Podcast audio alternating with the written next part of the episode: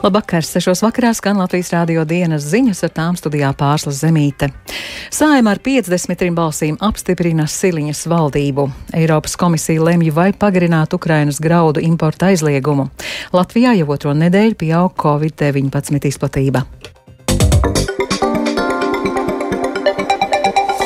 Saimnes vairākums apstiprinājis 42.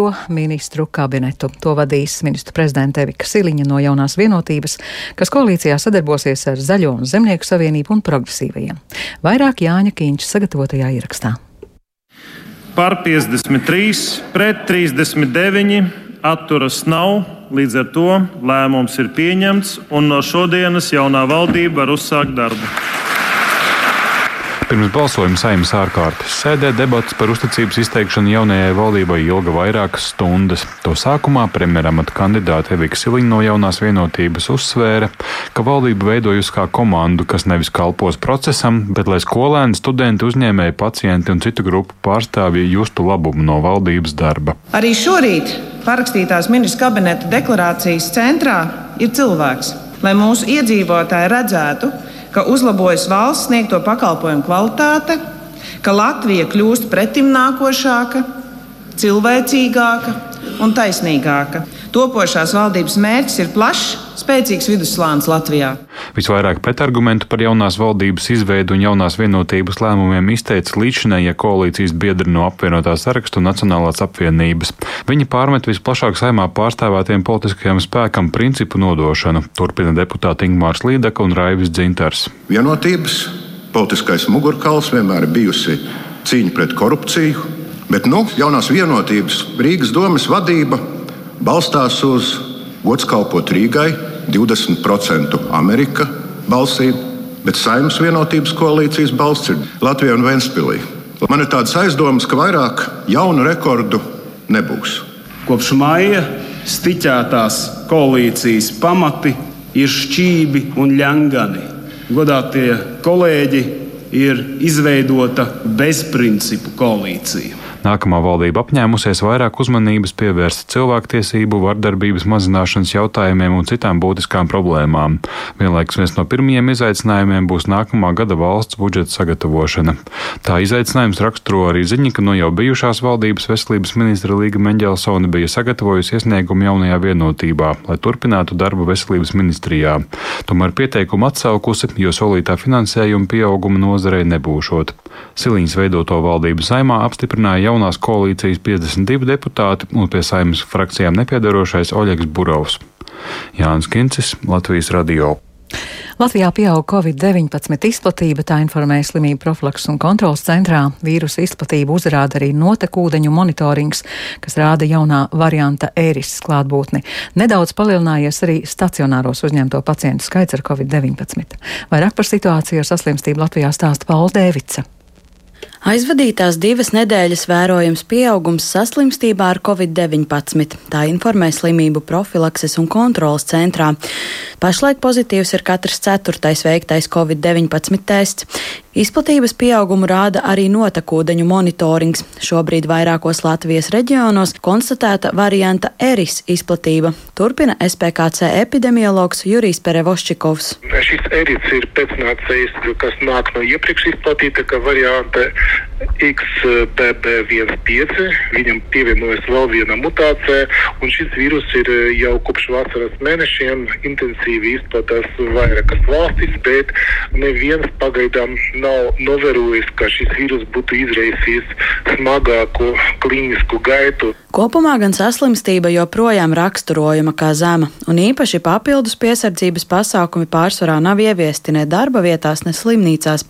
Piemēram, Paula Stradiņa Kliniskā universitātes slimnīca ziņo, ka neliels pieaugums stacionārā redzams, taču pašlaik veselības aprūpei papildus slogu tas nerada. Kopumā slimnīcās šobrīd stacionē 39 pacientus nedēļā, divas reizes vairāk nekā vasarā. Arī pie ģimenes ārstiem šobrīd nāk vairāk pacientu ar elpceļu saslimšanām, taču ne visi atbildīgi veic testēšanos. Simptomi ir tie paši, ko šķiet jau labi zinām, kā citām elpceļu saslimšanām - klepus, nogurums, paaugstināta temperatūra. Kā zināms, iedzīvotājiem joprojām ir iespēja arī saņemt COVID-19 vakcīnas, kas pielāgotas arī vīrusa omikron variantam. SPKC tās šobrīd rekomendē tieši riska grupu pacientiem. Jāpiebilst, ka tie, kas reiz jau izslimojuši vai bijuši potēti, nevar justies pilnībā droši, jo pa šo laiku ir parādījušies jauni varianti un mutācijas, kas iepriekš iegūto aizsardzību var apiet. Paula Dēvica, Latvijas radio. Eiropas komisija šodien lemj par to, vai pagarināt aizliegumu Ukrainas graudu importam, kas ieviests piecās Eiropas Savienības dalībvalstīs - Polijā, Ungārijā, Slovākijā, Rumānijā un Bulgārijā. Ukraina iepriekš draudējusi ar juridiskiem soļiem, ja aizliegums tiks pagarināts. Tikmēr Polija jau lēmusi pagarināt aizliegumu. Stāsta Rihards Plūme. Krievijas atkārtotais iebrukums Ukrainā ir nogriezis tos Melnās jūras kuģošanas ceļus, kas tika izmantoti pirms kara. Tā rezultātā Eiropas Savienība ir kļuvusi par galveno Ukrainas graudu tranzīta maršrutu un eksporta galamērķi. Šo aizliegumu, kura termiņš beidzas šodien, Eiropas komisija piekrita noteikt vasarā, kad vairākas valstis sāka sūdzēties, ka Ukrainas graudu imports ir vainojams cenu kritumā vietējos tirgos. Šodien jāpieņem lēmums vai aizliegumu pagarināt, un iepriekš tika baumots, ka Brisele to nepagarinās. To, protams, vēlas Ukraina, kas norāda, ka, ja notiks pretējais, tad Kijevai nāksies vērsties tiesā. Visstingrāko pozīciju ir ieņēmusi Polija, kurai šis ir būtisks jautājums, jo tuvojas vēlēšanas. Polija jau šonadēļ lēma, ka pagarinās aizliegumu, neņemot vērā un nesagaidot komisijas lēmumu. Par to jau iepriekš bija brīdinājušas poļu amatpersonas un arī valdošās partijas likums un taisnīgums deputāts Rišards Čarņēckis. Par laimi tā nav problēma polijas zemniekiem. Tā ir problēma attiecībās starp polijas Polijas valsti un Eiropas komisiju. Polijas zemniekiem nekas nedraud, jo, ja Eiropas Savienība neieviesīs šo aizlieguma pagarinājumu, to darīs Polijas valsts. Arī Ungārija un Slovākija norādījušas, ka aizliegumu tās plāno pagarināt, ja Eiropas komisijas lēmums būs par labu tā atcelšanai. Rumānija savukārt ir izteikusies, ka tā plāno sekot Eiropas komisijas lēmumam. Vienīgā, kas jau lēmusi par aizlieguma atcelšanu, ir Bulgārija. Tā pamatojusi savu lēmumu ar to, ka nepieciešams izrādīt solidaritāti Ukrainai un garantēt nodrošinātību ar pārtiku globālā mērogā. Kā iemesls minēta arī nepieciešamība stimulēt konkurenci tirgu un tādējādi apturēt inflāciju valstī.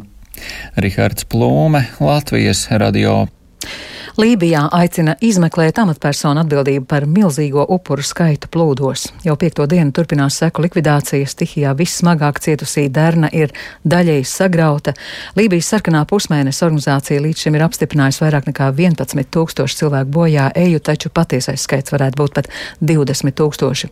Plūdu skartajos rajonos krājas neaizvesto līķu kaudzes, bet daudziem izdzīvojušiem vairs nav māju un trūkst pirmās nepieciešamības lietu.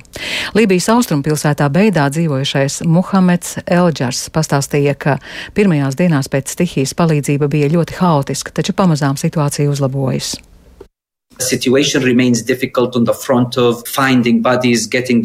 Situācija joprojām ir sarežģīta attiecībā uz mirstīgo atlieku atrašanu, izcelšanu, identifikāciju un apbedīšanas procesa veikšanu.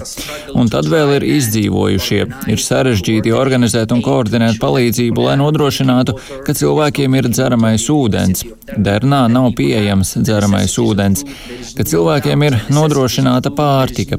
Nav šaubu, ka mēs varējām izvairīties izvairīties no tik milzīgiem cilvēku upuriem, ievainojumiem, pārvietošanas un ciešanām.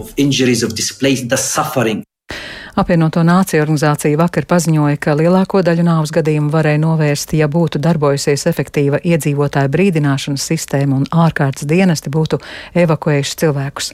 Tāpat vietējām iestādēm jau gadiem bija zināms par plūdos pārauto aizsprostu slikto tehnisko stāvokli, taču to remontam atvēlētā nauda netika izlietota.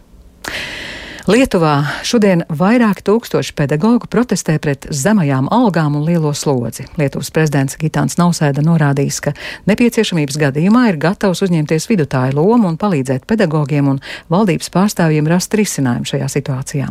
Viņš uzsvērs, ka nevēlas, lai bērni kļūtu par situācijas ķilniekiem. Turpina Rihards Plūme. Šodien atsevišķās Lietuvas skolās protesta dēļ nenotika pirmā un otrā mācību stunda. Kā informē protesta rīkotāji, Lietuvas izglītības darbinieku arotbiedrība protestā piedalījušies aptuveni 5000 pedagoģu 228 izglītības iestādēs, gan skolās, gan bērnu dārzos. Otradien gaidāmas sarunas starp pedagogiem, arotbiedrībām un valdību. Izglītības darbinieku arotbiedrības priekšsēdētājs Andrijus Navicks pauda cerību, ka nākamnedēļ gaidāmās sarunas beidzot būs īstas, jo pēdējo trīs gadu laikā tās nav nesušas rezultātus. Rīgas lielāko satiksmes infrastruktūras projektu Austrumu maģistrāli pabeigs plānotajā laikā šoruden. Ap trim kilometriem garā maģistrāli, kas stiepjas cauri dārzciemam un purciemam, būtiski atslogos pilsētas centru no kravas mašīnām. Tā šodien apsakojot objektu, teica Rīgas domas pārstāvji, atzīstot, ka Ukrainas karš un papildu darbi projektu ir sadārdzinājuši vairāk nekā par 7 miljoniem eiro. Tagad tas izmaksās 73 miljonus eiro. Kad pār to atklās kustību un vai satiksmes problēmas pilsētā būs atrisināts vairāk Viktora Demīdova ierakstā. Augusta Deglava ielā uzreiz pēc tilta pāri dzelzceļu klāja asfaltu pie jaunuzbūvētā krustojuma. Nogriežoties pa labi vai braucot uz centru, nogriežoties pa kreisi, transporta līdzekļi varēs nokļūt uz jaunās austrumu maģistrāles, kur dažviet vēl norit aktīvi darbi. Projekts bija ļoti sarežģīts, ir vēl joprojām ļoti sarežģīts. Jā. Būvu uzņēmuma ACB vadītājs Valdis Lēnieks stāsta, ka vēl ir jāpabeidz asfaltēšana un jāuzstāda barjeras, stabi un luksafori. Tagad pabeigti līdz līdz 90% plānoto darbu. Plānojam mēs darbus pabeigt oktobra beigās, novembra sākumā. Purvcēmā, Dārzcēmā un nedaudz arī Teikā izveidotā 2,8 km garā austrumu maģistrāli stiepjas no Vietāvas un Piedrujas ielas krustojuma līdzŪnijas ielas un Gustava Zemgala gataves krustojumam. Satiksmi gatavojas atklāt decembrī, tā teica Rīgas domas ārtelpas un mobilitātes departamenta direktora pienākuma izpildītājs Jānis Vaivots. Taču, atceroties Sarkandaugavā, Daudersalas pārodu, kuru atklāja vien pavasarī, jeb vairākus mēnešus pēc tā pabeigšanas, rodas bažas, vai līdzīgs liktenis nedraud arī austrumu maģistrālei.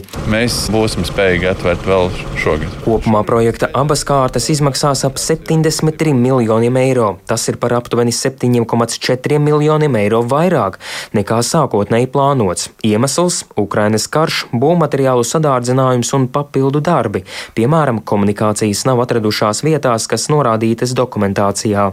Tāpēc bija jāmeklē citi risinājumi. Domē skaidro, ka austrumu maģistrāle kombinācijā ar Daudersalas pārodu būtiski atslogos pilsētas centru no kravas mašīnām, kas uz ostu brauc pa 11. novembra krastmalu un citām centra ielām. Viktors Demidovs, Latvijas radio. Un vēl šodien atsākas Latvijas futbola virslīgas sezona. Nedēļas nogalē izsnāsies 29. kārtas spēles.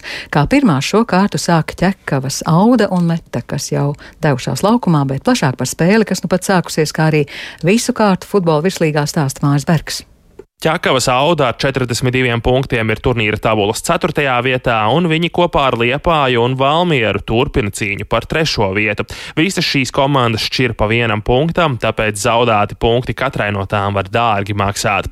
Auda pēdējās piecās virslīgas spēlēs guvusi vismaz punktu, un pēdējais zaudējums čempionātā viņiem jūlija beigās. Meta pēdējās divās spēlēs atņēmusi punktus Liepājai un Valmierai, bet viņiem pēdējā uzvara gandrīz pirms diviem mēnešiem, proti 20. 21. jūlijā.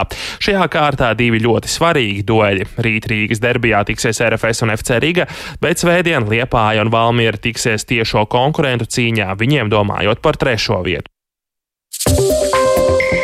Ar to izskan Latvijas Rādio dienas ziņas producents Edgars Kupčs, ierakstus montēja Renāša Teimanis, par labskaņu rūpējās Iveta Zvejniece, ar jums runāja Pārsla Zemīte.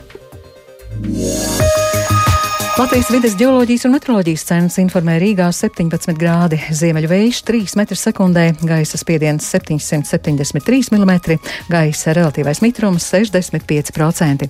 Kāds laiks gaidāms turpmāk, prognozē Toms Bricis. Brīvdienu naktis būs dzestras, no rītiem temperatūra caurmērā 5 līdz 10 grādi, vietām austrumos tikai 2 līdz 4 grādi, bet pēcpusdienās 17, 21 grāds, svētdien vietām valsts dienvidos līdz 23 grādiem. Sestdien būs saulaina un ar lēnu vēju, svētdien parādīsies vairāk mākoņu un vietām kurzemē un vidzemē nedaudz līs. Nākamnedēļ bieži būs vējains, bet pie mums ieplūdīs siltāks gaiss. Augstākā temperatūra visticamāk būs otrdien, kad vietām zemgalē un Rīgas apkārtnē tā var sasniegt pat 25, 26 grādus.